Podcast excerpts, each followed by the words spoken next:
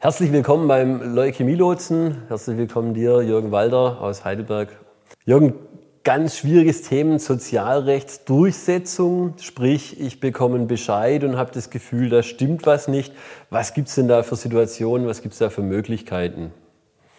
Vielleicht zum Hintergrund zuerst mal. Ist wirklich ein schwieriges Thema, aber wie gesagt, alle äh, ja, Bescheide, die von der Krankenkasse, von einer von einer äh, Rentenversicherung, von einem Leistungsträger, wie auch immer bekomme, äh, sind ja sind Verwaltungsakte und wir haben in unserem Sozialstaat, das ist ja geregelt im Grundgesetz, haben wir die Möglichkeit, gegen diese, solche Entscheidungen Rechtsmittel einzulegen. Hm, das ist eine ganz wichtige Geschichte. Das heißt, man kann auch überprüfen, ob das in Ordnung ist und man kann sich gegebenenfalls auch dagegen wehren, wenn das nicht in Ordnung ist. Das heißt, es kommt vor, dass da das mal was ist. Es ist halt immer so, ne, dass, dass ab und an mal ein Bescheid falsch sein kann. Das kann inhaltlich falsch sein, es ist was falsch berechnet. Hm. Zum Beispiel die Ansprüche jetzt auf Krankengeld. Der Krankengeldanspruch stimmt nicht. Kann, kann mal sein, kann Fehler. Und dann kann man das überprüfen lassen und kann das dann letztendlich äh, korrigieren lassen oder dass eben die Zahl von, von, äh, von Krankheitstagen bei der Berechnung des Krankengeldes, das ist, ja, äh, das ist ja limitiert. Man hat im Jahr, man hat im, haben wir einen extra Film zu? Genau, man hat eine bestimmte, äh, bestimmte Zeit, Anspruch auf Krankengeld, 78 Wochen innerhalb einer bestimmten Zeit und möglicherweise wird sich da verrechnen. Also es gibt ganz, ganz viele Beispiele, wo unter Umständen ein Fehler passieren kann. Das muss man dann überprüfen können. Und wenn das dann falsch ist, dann hat man da die Möglichkeit, entweder der direkte Weg ist ja immer der beste. Man ruft die Krankenkasse an, fragt, prüfen Sie das nochmal, da stimmt was nicht. Wenn die Krankenkasse oder der Leistungsträger sagt, das ist äh, in Ordnung, dann muss man es auf schriftlichem Wege machen. Dann wäre ein Weg zu einem Widerspruch. Man kann gegen eine, eine, Entscheidung von einer Behörde oder einer Körperschaft des öffentlichen Rechts, das sind die Krankenkassen, kann man Widerspruch einlegen. Das wäre die erste, erste Handlung, sage ich jetzt mal, um so einen Bescheid letztendlich anzugreifen. also schriftlich diesen Widerspruch innerhalb der entsprechenden Fristen. Genau, da gibt es Fristen, vier Wochen oder ein Monat nach Zugang. Ähm, kann man mündlich machen bei der Krankenkasse. Mündlich zur Niederschrift steht dann immer in den Rechtsbehelfsbelehrungen drin. Oder eben schriftlich, was ich eigentlich für den besseren Weg halte. Ne? Wer hilft mir denn bei sowas, wenn ich jetzt merke, da ist vielleicht eine Krankengeldberechnung nicht richtig oder die Zeit des Krankengelds ist nicht richtig berechnet? Wer kann mich da drin unterstützen?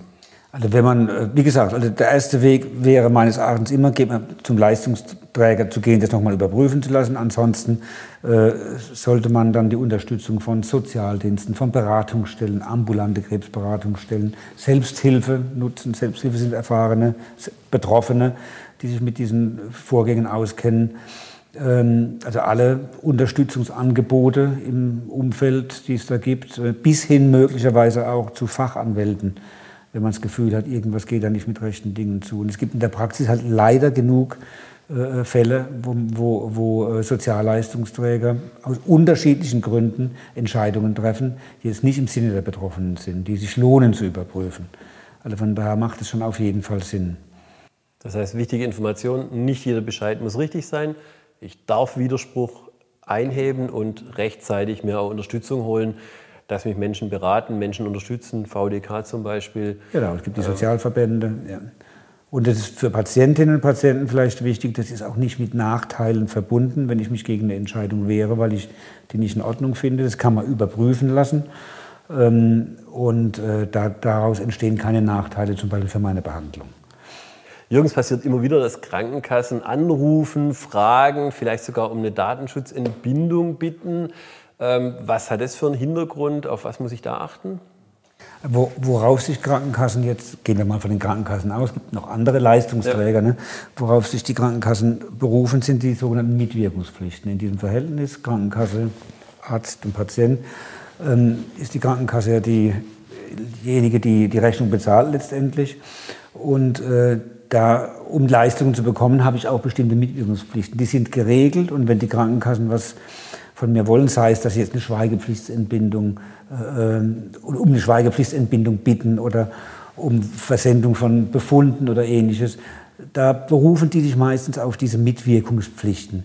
Die haben aber Grenzen. Und Grenzen sind zum Beispiel, die sind geregelt im Sozialgesetzbuch 5, ist zum Beispiel die Weitergabe von Befundberichten, Unterlagen, die sich die Krankenkasse auf einem anderen Weg leichter holen kann. Ne? Und, und, und wenn es um Befunde geht beispielsweise, dann kriegt die Krankenkasse die, wenn sie die überhaupt braucht, äh, da kann die der medizinische Dienst der Krankenkasse direkt bei den Ärzten, bei den Krankenhäusern anfordern. Dazu braucht man den Weg über den Patienten nicht.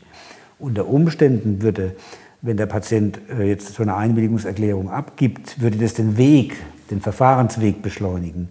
Aber darum, daran muss der Patient, der betroffene Mensch gar kein Interesse haben. Das heißt, solche Einwilligungserklärungen, Schweigepflichtsentbindungen, haben eigentlich keine klare rechtliche Grundlage, muss ich also als Betroffener gar nicht abgeben.